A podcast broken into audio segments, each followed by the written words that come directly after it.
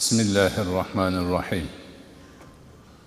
الحمد لله رب العالمين والعاقبة للمتقين والصلاة والسلام على خير خلقه محمد وعلى آله وأصحابه أجمعين. اللهم لا سهل إلا ما جعلته سهلا وإن شئت جعلت الحزن سهلا بقدرتك يا أرحم الراحمين.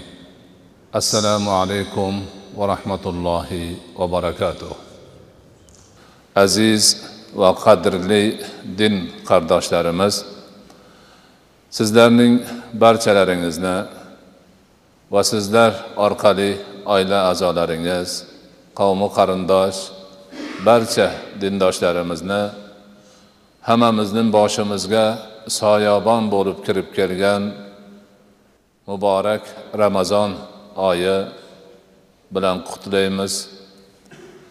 Bu oyni alloh subhanahu va taolo o'zi xohlagandek ibodatini qilib ajr savoblarni ko'plab kasb qilishimizda o'zi yordamchi bo'lgan bo'lsin. Bu oyni bizlar uchun rahmat oyi mag'firat oyi do'zaxdan ozod bo'lish oyini haqiqatiga aylantirsin. Bu oyni barakotidan vatanimiz xalqimiz elimiz yurtimiz uchun alloh taolo o'z rahmatlarini nozil qilsin barakotlari samaratlarini nozil qilsin tinchlik omonlikni bardavom qilsin. Doimo mana shunga o'xshagan ramazonlarga qayta qayta erishib o'zini ibodatida bardavom bo'lishimizni nasib etsin. Alhamdulillah bu yilgi ramazonda ko'pchilik mo'min musulmon o'lkalar bilan bir kunda ro'za tutishni boshlash nasiba qildi. Kecha islom olamining barcha taraflarida ramazon oyi hilolini ko'rish marosimlari bo'lib o'tdi.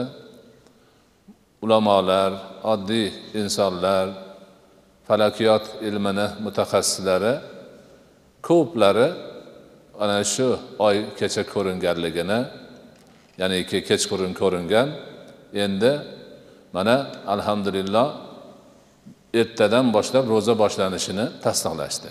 Ya'niki shanba kuni ko'rinmagani uchun shanba kuni birinchi ramazon bo'ladi deb aytishdi. Bu ma'noda biz musulmon olamini ya'niki ko'pchiligi juda ham ko'pchiligi bilan muvofiq ravishda mana bugun birinchi taroveh bo'lib ertaga birinchi ro'za bo'lishiga to'g'ri keldi. Bu ham katta bir baxt ba'zi bir yurtlar avvaldan belgilab bugunni birinchi kun deyishib qo'ygan edi. Ana endi ularda bir oz demak har xollik bo'lib qoldi. Man moskvadan bugun e, asrdan keyin keldim. Ular kecha tarovihni o'qishdi. Tarovihni o'qib bo'lgandan keyin imom bu yil o'ttiz bir kun ro'za tutamiz debdi. Chunki ro'za kirmasdan bugun bir kun tutishyapti. Aniq bo'ldida u yoqda ha aniq bo'ldiki demak bugun ramazon emas. Ertaga ramazon. Imom tarovihni o'qib bo'lgandan keyin xalqqa aytibdi shunaqa deb. Ya'ni bu yil o'ttiz bir kun ro'za tutamiz. Bir kun tutgani noto'g'ri chiqyapti bugungi kunga. U yog'i inshaalloh alloh nasib qilsa o'ttiz kunni tutishi bizda alhamdulillah bunaqa hardam hayollik bo'lmadi. Kutib mana kecha hammasi aniq bo'lgandan keyin bugun ramazonni birinchisi deb e'lon qilinishi albatta nihoyatda yaxshi bir xayr barakalik ish bo'ldi. Shu bilan birga eh, bu kabi suhbatlarimizni o'tkazishga ham alloh subhanahu va taolo o'zi yo'l berdi. Xayr barakot bo'ldi. Buning uchun eh, demak harakat qilgan yordamchi bo'lgan aziz insonlarni barchasiga tashakkur aytamiz. Jumladan ushbu masjid qavmiga masjid e, demak idorasiga rahbarlariga xususan jaloliddin hoji domlamizni o'zlariga e, takliflari uchun ko'rsatgan izzat ikromlari uchun chin qalbdan tashakkur aytamiz. O'tgan yillarda uch yil davomida ruhiy tarbiya deb atalmish silsila suhbatlarni qildik. Bu o'sha ruhiy e, tarbiya deb atalgan kitobni har bir juziga bittadan ramazonga to'g'ri keldi. U narsani oxiriga yetkazdik. Endi bu yil yangi bir mavzu boshlash niyatimiz bor. Alloh subhanahu va taolodan duo qilib so'rab turasizlar bu mavzuni ham xayrli barakotli hammamiz uchun manfaatli qilsin. Oxirigacha go'zal bir tarzda yetkazib e, hammamiz odob axloq hamma yaxshilik taraflaridan bir manfaat olishimizga alloh taoloni o'zi yordamchi bo'lsin. Bu yilgi o'tkazmoqchi bo'lib turgan suhbatlarimizni mavzusi ambiyolar qissasi deb ataladi. Ambiyolar qissasi haqiqiy qissa hisoblanadi. Allohning nabiylari insoniyatni hidoyat mayoqlari yo'lchi yulduzlari odob namunalari axloq o'rnaklari hamma tarafdan go'zal yetuk hammaga yo'lboshchi bo'lgan hammani hidoyatga boshlagan yaxshilikka buyurib yomonlikka qaytargan go'zal ajoyib bir ishlarni yuzaga chiqargan allohning tanlab olingan bandalari nabiylarni qissalari albatta dunyodagi eng go'zal qissa dunyodagi eng manfaatli qissa dunyodagi eng o'rnak oladigan namuna oladigan foyda beradigan haqiqat yo'liga yurishda yordam beradigan qissalar bo'ladi. Allohning nabiylari nabiylari albatta ollohning ta'limotini bandalarga yetkazgan o'z shaxslarida namuna qilib ko'rsatgan zotlar.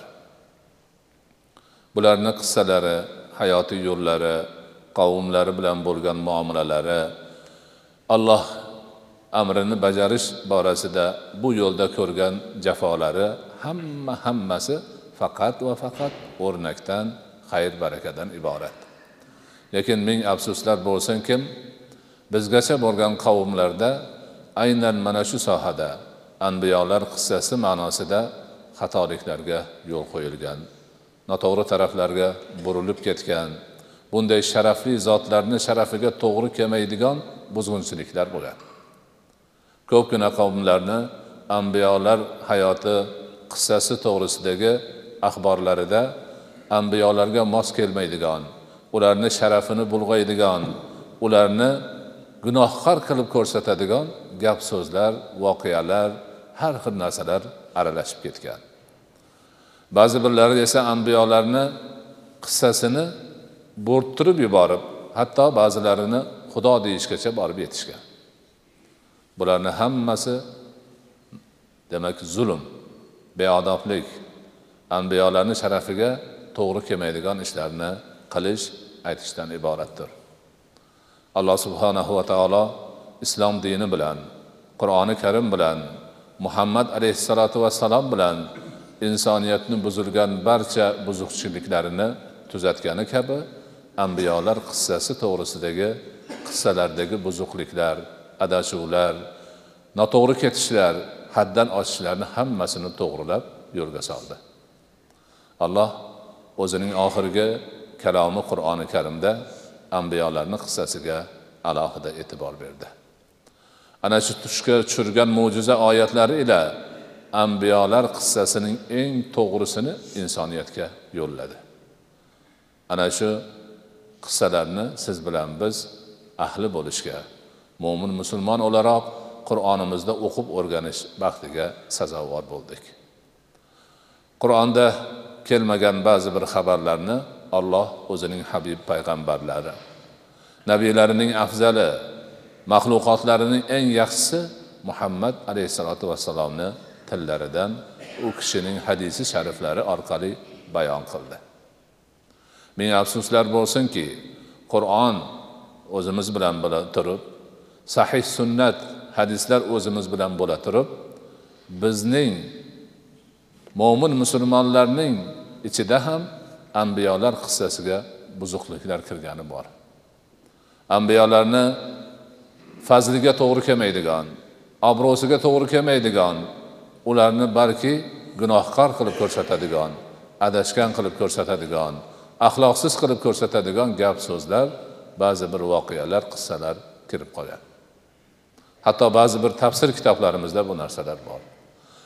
Ambiyolar qissasi deb atalgan kitoblarni ko'p gaplarida mana shu narsalar yozilib qolgan aytilib qolgan. Ayniqsa biz turkiy kitoblar deymiz. Ana shu eski o'zbek tilida arab harfida yozilgan qissa kitoblarda mana shunaqa ilmga asoslanmagan noto'g'ri axborotlar qo'shilgan qissalar tarqalib qolgan. Shuning uchun ulamolarimiz ana shu qissalarni bor kitoblarni o'qimaslikka tavsiya qilishar edi. Bizni e, qiblagohimiz otamiz ham ana shu kitoblarni man qilardilar bizga o'qimaysizlar. Uyimizda yo'q edi boshqa yoqdan ham topishga keragi yo'q. Buni o'qimaysizlar haqiqiy demak ilmiy asosdagi narsalarni o'qishni topshirar edilar. Asta sekin bu narsalarni o'qib o'rganib borib haqiqatdan bu go'zal qissalarni mohiyatini fazilatini manfaatini tushunib yetdik. Man e, tafsiri hilolni dastlabki juzlarini yozganimda o'ttizinchi yigirma to'qqizinchi qur'oni karimni juzlarini qayerda shu ambiyolar to'g'risida gap kelsa qisqagina o'sha qissalarni yozib qo'ygan edim. Odamlar ozgina bo'lsa ham tanishib tursinlar. O'zlari iymon keltirgan payg'ambarlar kimligini bilib qo'ysinlar degan ma'noda.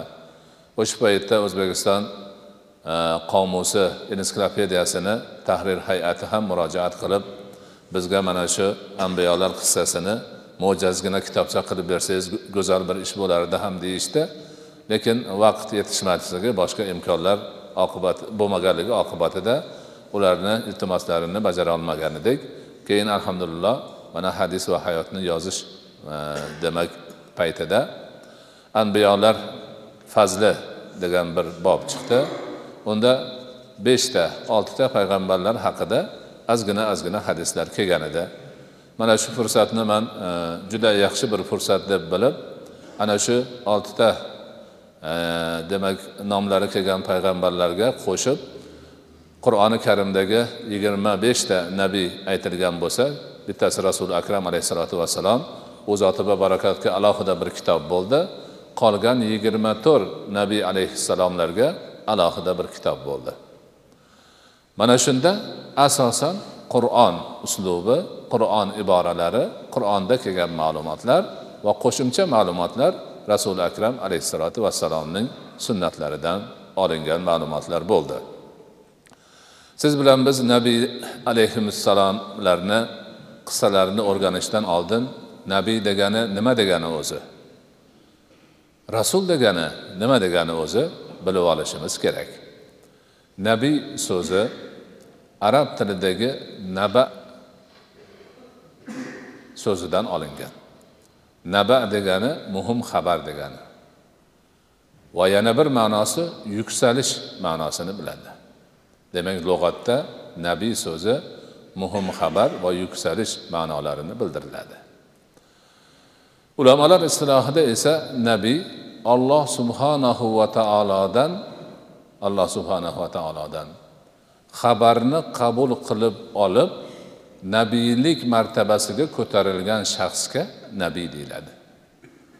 Allohdan xabarni qabul qilib olib allohning elchisi bo'lish martabasiga ko'tarilib yuqorilagan zotni nabiy deyiladi. Rasul so'zi arabcha risola so'zidan olingan bo'lib lutf bilan bir shaxsga bir narsani yuborishni risola deyiladi. Arablarda hozir birov birovni sog'inib maktub yozsa shuni risola deydi. Palonchiga man risola yubordim pistonchiga risola yozdim deydi.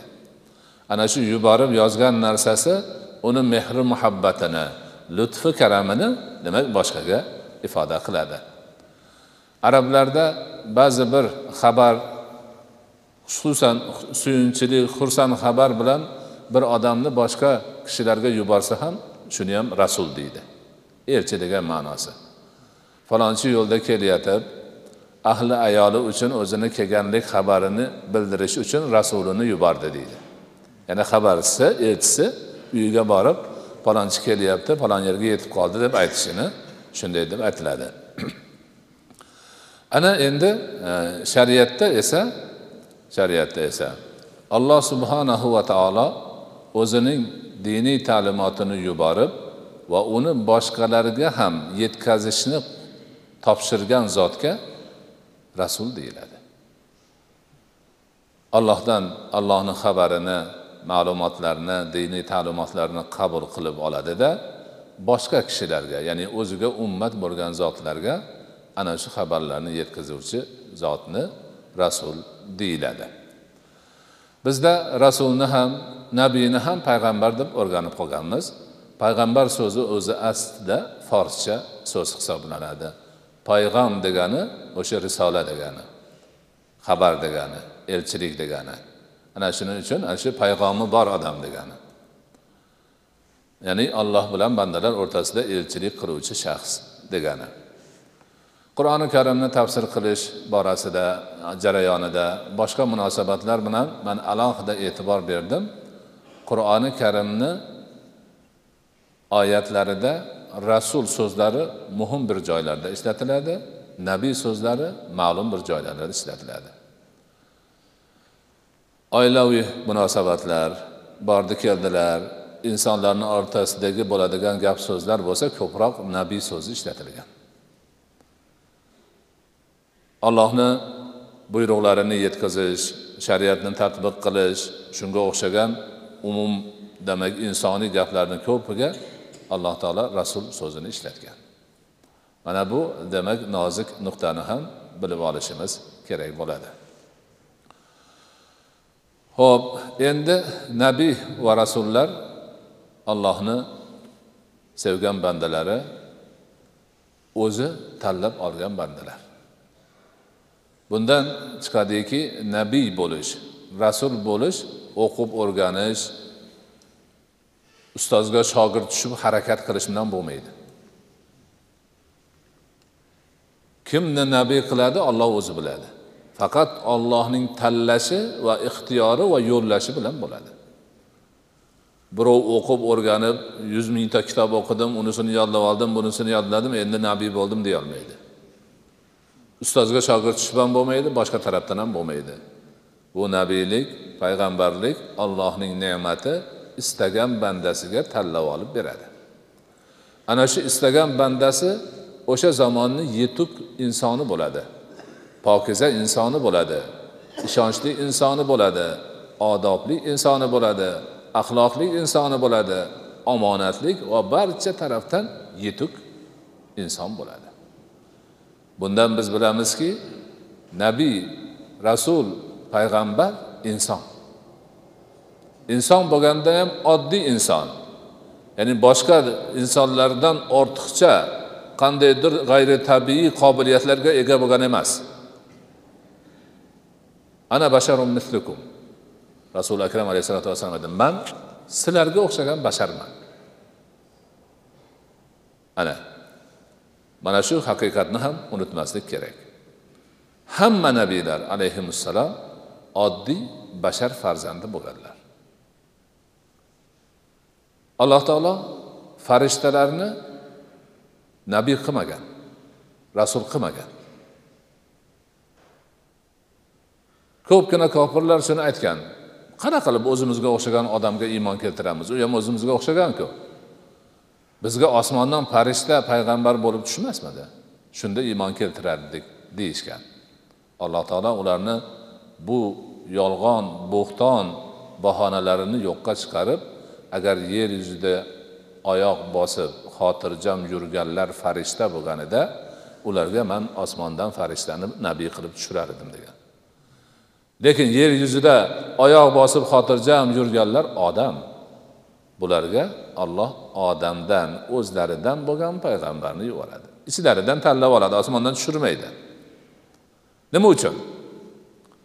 Agar olloh osmondan bitta farishtani tushirib yerda yurgan odamlarga mana shu payg'ambar desa haligi osmondan payg'ambar tushganda iymon keltiramiz deganlar ana shular birinchi o'lib bu farishtaku biz qanaqa qilib uni qilganini qilamiz deydi.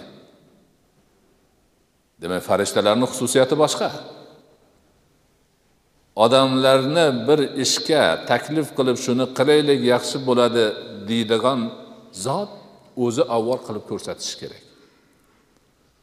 Ana shu odamlarni ichidan bo'lib turib mana sizlarga o'xshagan odamman mana qilsam bo'lyapti sizlar ham qilaveringlar bo'ladi deyish kerak. Farishta bo'lsa bu farishtada och qolmaydi chanqamaydi uni qilsa bo'laveradi biz endi notavon bandalar buni qanaqa qilib qilardik deb bahona chiqarishadi. Shuning uchun nabiylar rasullar hammalari alayhissalom oddiy bashar bo'lganlar lekin shu oddiy basharni ichida yetuk basharlar ana mana shu haqiqatni ham biz tushunishimiz kerak. Alloh yana qur'oni karimda nabiylar shahar aholisidan erkaklardan bo'lishini aytgan. Bu ham nabiylarga xos bir nima sifatlardan hisoblanadi. Shahar aholisi degani shu madaniyat fan o'quv e, bilim rivojlangan joy shahar. Sahroda yashagan odamlarda maktab yo'q o'qishi imkoni yo'q ilm olish imkoni yo'q. Ularga bir oz demak bunaqa ma'rifiy ishlar hidoyat ishlari og'ir keladi tushunmaydilar. Erkak bo'lib ayol bo'lmaganligi esa payg'ambarlik og'ir mashaqqatlik buyuk zarbalarni og'irliklarni ko'tarishni taklif qiladigan ish. Alloh taolo ayollarga unaqa og'ir ishni yuklasa demak adolatdan bo'lmaydi. Rasuli akram alayhissalotu vassalomga vahiy tushgan paytida vahiy tushgan paytida terlab pichillab g'alati bir holatga qiyinligidan ulovni ustida bo'lsa ulov cho'kkalab qolar edi. Zayd ibn sobit roziyallohu anhu aytadilarki man rasuli akram alayhissalotu vassalomni tizzalariga tizzalarini tegizib o'tirganimda vahiy tushib qolgan. Shunda sonim yorilib ketay degan deydi. Bunaqa narsalarni ayollar qanaqa qilib qabul qilishadi? Undan keyin nabiylarni hammasi demak urushga chiqishgan el yurtni himoya qilishgan katta og'ir mashaqqatlarni bajarishgan. Bularga albatta ayollarni taklif qilish alloh taoloni adolatidan bo'lmaydi. Demak ayollardan nabiy bo'lmasligi ayollarni pastlatish emas balki ularni ulug'lash ularni o'ziga munosib narsani ravo ko'rishdir. Alloh subhanahu va taolo ayollardan nabiy qilmaganligi ayollarni pastlatish emasligining yorqin dalili nabiylarni ham ayollar tuqqanidir. Ya'ni nabiylarni hammasini onasi bor. Otasi yo'q nabiy bor iso alayhissalom. Lekin onasi yo'q nabiy yo'q. Mana bu haqiqatni ham bilish kerak. Demak olloh ayollarni sharaflab nabiylarga ona bo'lish mansabini ularga ravo ko'rgan. Nabiy alayhissalotu vassalomlarni xususiyatlaridan yana aytadigan bo'lsak har bir nabiyni nabiyligini tasdiqlash uchun alloh taolo ularga o'zining vaqtiga odamlarini tushunchasiga munosib ravishda mo'jizalarni bergan. Mo'jiza degani ojiz qoldiruvchi narsa. Ya'ni boshqa odamlarni ojiz qoldiradi. Nabiy olloh bergan fazli karam o'sha nabiylik mo'jizasi bilan bir g'ayri oddiy ishni ko'rsatadi. Boshqa odamlar shuni qilishdan ojiz qoladilar. Ana shunda ha bu oddiy demak odam emas allohning rasuli bo'lgan ollohni qo'llab quvvatlashiga sazovor bo'lgan odam ekan bu. Nabiyman degan gapi rost ekan deb tasdiqlashga boshqalar majbur bo'lishadi. Alloh har bir nabiyga o'zining davri o'sha vaqtni sharoiti tushunchasiga qarab o'sha yerga mos keladigan mo'jizalarni bergan. Misol uchun muso alayhissalomga sehrgarlik kuchaygan paytda kelganlari uchun ularni sehrini yo'q qiladigan aso va boshqa shunga o'xshagan mo'jizalarni berganlar. Rasul sifatida nabiy sifatida muso alayhissalomni tan olishiga aynan shu sehrlaganlar bilan bo'lgan muboraza demak sabab bo'lgan. Hammasini to'planib qani sehrlaringni tashlanglar deganda tashlashgan. Arqonni tashlasa ilon bo'lib yurib ketyapti hassanni tashlasa kattaroq ilon bo'lyapti hamma qochyapti hatto muso alayhissalom orqaga tisarilganlar alloh la taqab degan qo'rqma qo'lingdagi asoni tasha. Asoni tashlasalar ajdarho bo'lib haligi hammasini yutgan undan keyin sehrgarlar birinchi bo'lib o'zlarini tashlab biz iymon keltirdik deyishgan. Iso alayhissalom kelganlarida odamlar moddaparast ekan. Hozirgiga o'xshab shu ushlaganimga ishonaman ko'zim bilan ko'rganimga ishonaman unga ishonaman boshqasiga man ishonmayman der ekan. Shuning uchun u kishiga ana shu moddaparastlarni qoyil qoldiradigan ojiz qoldiradigan mo'jizalarni berganlar. Onadan ko'r bo'lib tug'ilgan ko'zi yo'q bo'lib tug'ilganlarni ko'zini ochadigan bo'lganlar badani oqarib qolib tuzalmayotganlarni shunday qilsalar tuzalib qoladigan bo'lgan o'lganlarni tiriktirganlar ana o'shandan keyin ha bu biz qilgan narsalarimiz demak noto'g'ri tushunchada ekanmiz olloh bersa bunaqa narsalar bo'lar ekanda degan nimaga kelgan? Tushunchaga kelgan qavmlar. Har bir nabiyni o'tgan nabiylarni hammasini mo'jizasi o'sha nabiyning hayoti bilan chambarchas bog'langan.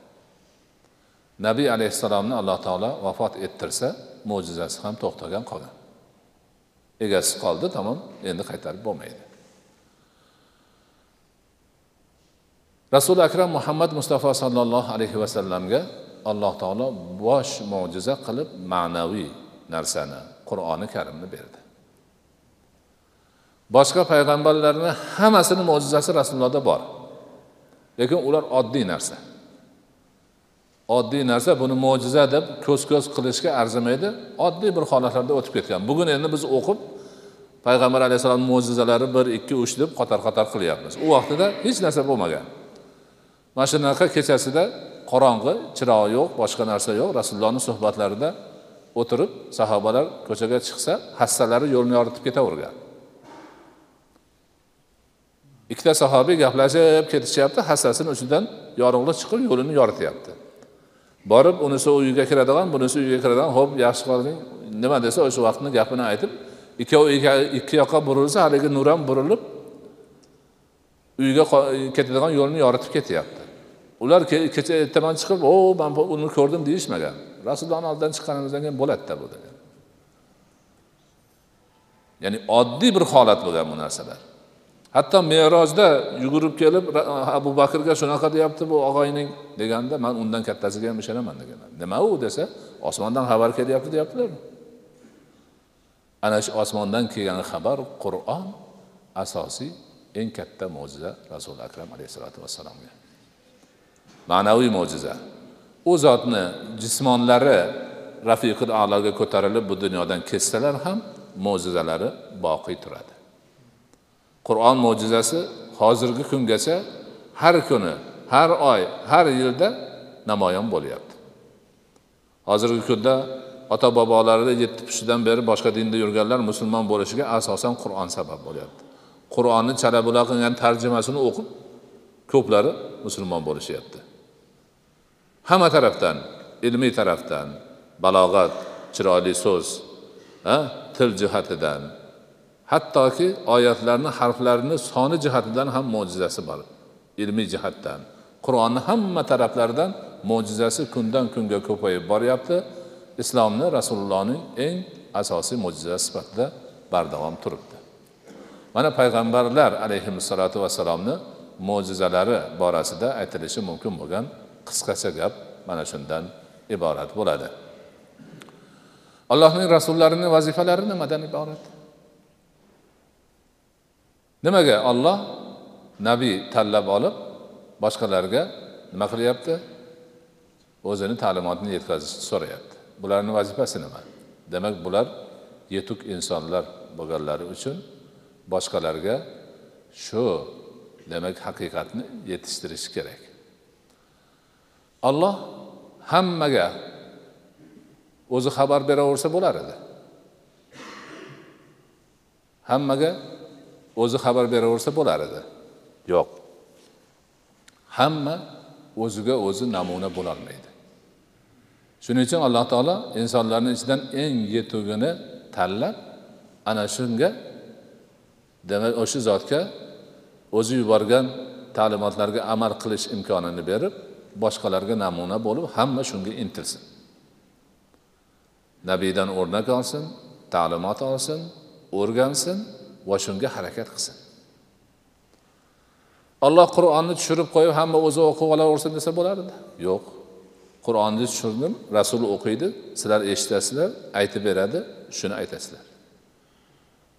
Shuning uchun bugungi kunda mazhabni tan olmay ulamolarni tan olmay qur'on bilan sunnatga amal qilaman deganlar eshitib qo'ysin. Olloh hikmatli zot qur'onimni tushirdim hammang o'zing o'qib ol demagan nabiyga tushirdim nabiy o'qib beradi shunga o'xshatib o'qinglar. Nabiy sharhlab beradi ana shunga qarab amal qilinglar degan ulamolar ambiyolarni merosxo'rlari. Nabiy alayhissalotu vassalom o'rgatgan ta'limotlarni o'rganib har zamonni ulamosi o'zini xalqiga yetkazib turadi. O'sha mazhabbosli aziz mo'tabar ulamolarimiz abu hanifa u kishini shogirdlari imomi shofiy imomi molik imomi ahmadlar ana rasulullohning davrlariga yaqin eng yaxshi qur'onni tushunadigan zotlar eng yaxshi sunnatni tushunadigan zotlar mana fiq ilmini demak siz bilan bizga meros qilib qoldirdilarki qur'onni qanday qilib yaxshiroq o'rganib unga amal qilamiz sunnatni qandoq yaxshiroq o'rganib unga amal qilamiz. Kim shu yo'ldan chiqsa adashadi. Hozirgi kunda o'sha nima desa bo'lib jangari bo'lyaptimi boshqa bo'lyaptimi islomni nomiga daloq tushirayotganlar hammasi birortasi shar'iy ilmlarni o'qigan odamlar emas. Man bundan bir ikki yil oldin iordaniyani televizorida biz bilan bir bir yarim soatcha suhbat bo'ldi. Bir og'aynim odil faloh e, kuvaytlik birodarimiz gaplashib turdik. O'sha kishi aytyapti. Misrda deydi uch mingta terroristni olib o'rganishib ko'rdi deydi. Birortasi shar'iy ilmlarni o'qimagan ekan. Bugungi kunda nomi chiqqan eng kattalarini olgan. Ana shariatni o'qimasdan turun o'rganmasdan turun ulamolardan ijozat olmasdan turun o'zicha gap aytish patvo chiqarish mana shunaqa oqibatga olib keladi. Buni mana aynan nabiylarni qissasidan o'rganamiz. Olloh har zamonda eng oddiy odam otani uch kishilik yoki ikki yarim ikki kishilik jamiyatiga ham nabiy bergan. Odam otani ayoliga nabiy qilib qo'ygan. Hozirgiga kelib ham nabiyga insoniyat muhtoj. Har kim o'zi ollohni kalomini o'qib o'zi tadbiq qilaman deyishga hech kimni haqqi yo'q. Ular ular ham odam biz ham odammiz deyishadi. Mana u buzuq fikrdagilar ho'p san odam bo'lib o'zing dars o'qimagan bo'lsang qanaqa qilib odam bo'lasan. Shariatni o'qimagan bo'lsang boshqa o'qishda o'qigansan endi kelib nima odamlik davosini qilasan? To'g'ri odamsan lekin qur'onni bilgan odam emassan sunnatni bilgan shariatni bilgan odam emassan mana nabiylarni demak qissalaridan qanday foydalar chiqadi bizga? Ho'p nabiy alayhissalotu vassalomlarni yana bir e, muhim holatlaridan bittasi har nabiyni o'z qavmiga o'z tili bilan yuborilgan. Faqat rasuli akram alayhissalotu vassalomni o'sha vaqtda o'z qavmlariga o'z arab tillari bilan yuborsa ham risolatlarini olamshumul qilingan. Nima uchun desa chunki mana shu oxirgi din bundan keyin din kelmaydi umumiy din va shu arab tili mana shuni ko'taradi. Yillar o'taveradi qavmlar o'zgaraveradi tillar o'zgaraveradi qur'on o'zgarmaydi. Har qanday yangilik chiqsa ham shuni ko'taraveradi sharhini qilib beraveradi hidoyatga boshlaveradi. Hozir arablarni tili o'zgarib ketgan. Ko'chada gaplashayotganda u tushunolmaydi azmoz o'rganmagan odam. Ya'ni qur'on tilidan uzoqlashib qolgan. Misrliklarga borib qur'on tili bilan e, dona dona qilib yaxshilab gapirsang sadaqallohul azim deydi. Ya'ni qur'on o'qiyapsanmi degani bu. Shu darajada uzoqlashib qolgan. Lekin qur'on turibdi hidoyat mayog'i bo'lyapti va bu kitob yana qancha insoniyatni umri bo'lsa yana hidoyatda bo'lib boraverishi bor. Arab tili mana shu qobiliyatga sazovor bo'lgani uchun olloh qiyomatgacha boqiy qoladigan kitobiga til qilib mana shu tilni tanlab olgan. Ho'p mana shu demak haqiqatlar mana shu buyuk bir fazilatlar qur'oni karimda kelgan yigirma to'rtta nabiy alayhissalom vassalotlarda hayotlarida bor. Ho'p demak nabiy bilan rasulni farqini aytdik. Na, nabiy o'zi xabarni qabul qiladida birovga aytishi o'rgatishi talab qilinmaydi. Yana bittasi nabiyga yangi shariat kelmaydi. Nabiyga allohdan vahiy keladi xabar keladi nabiy bo'ladi lekin o'zidan oldingi davom etib turgan shariatga amal qilaveradi. Rasul ollohdan kelgan xabarni boshqalarga yetkazishi majburiy yetkazishi kerak. Mani xabar berdim sanga bandalarimga yetkaz desa demak rasul bo'libdi rasul bo'libdi ana rasulga endi yangi shariat keladi. Oradagi farq shu.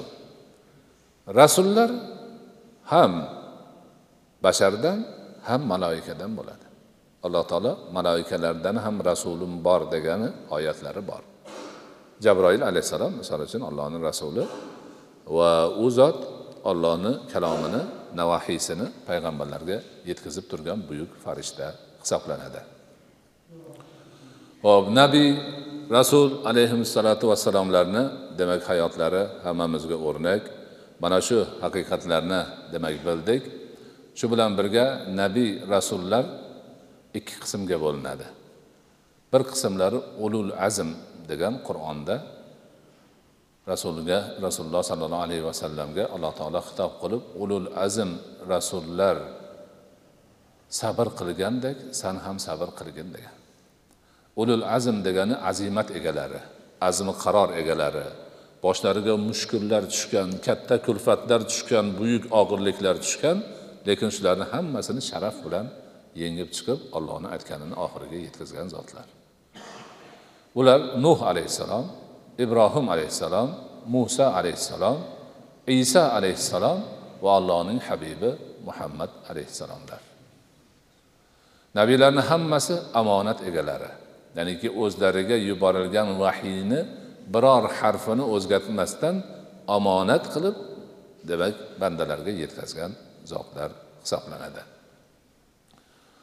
Ho'p nabiylar omonatli bo'lishlari bilan birga biz hammalariga bir xil iymon keltirishimiz vojib.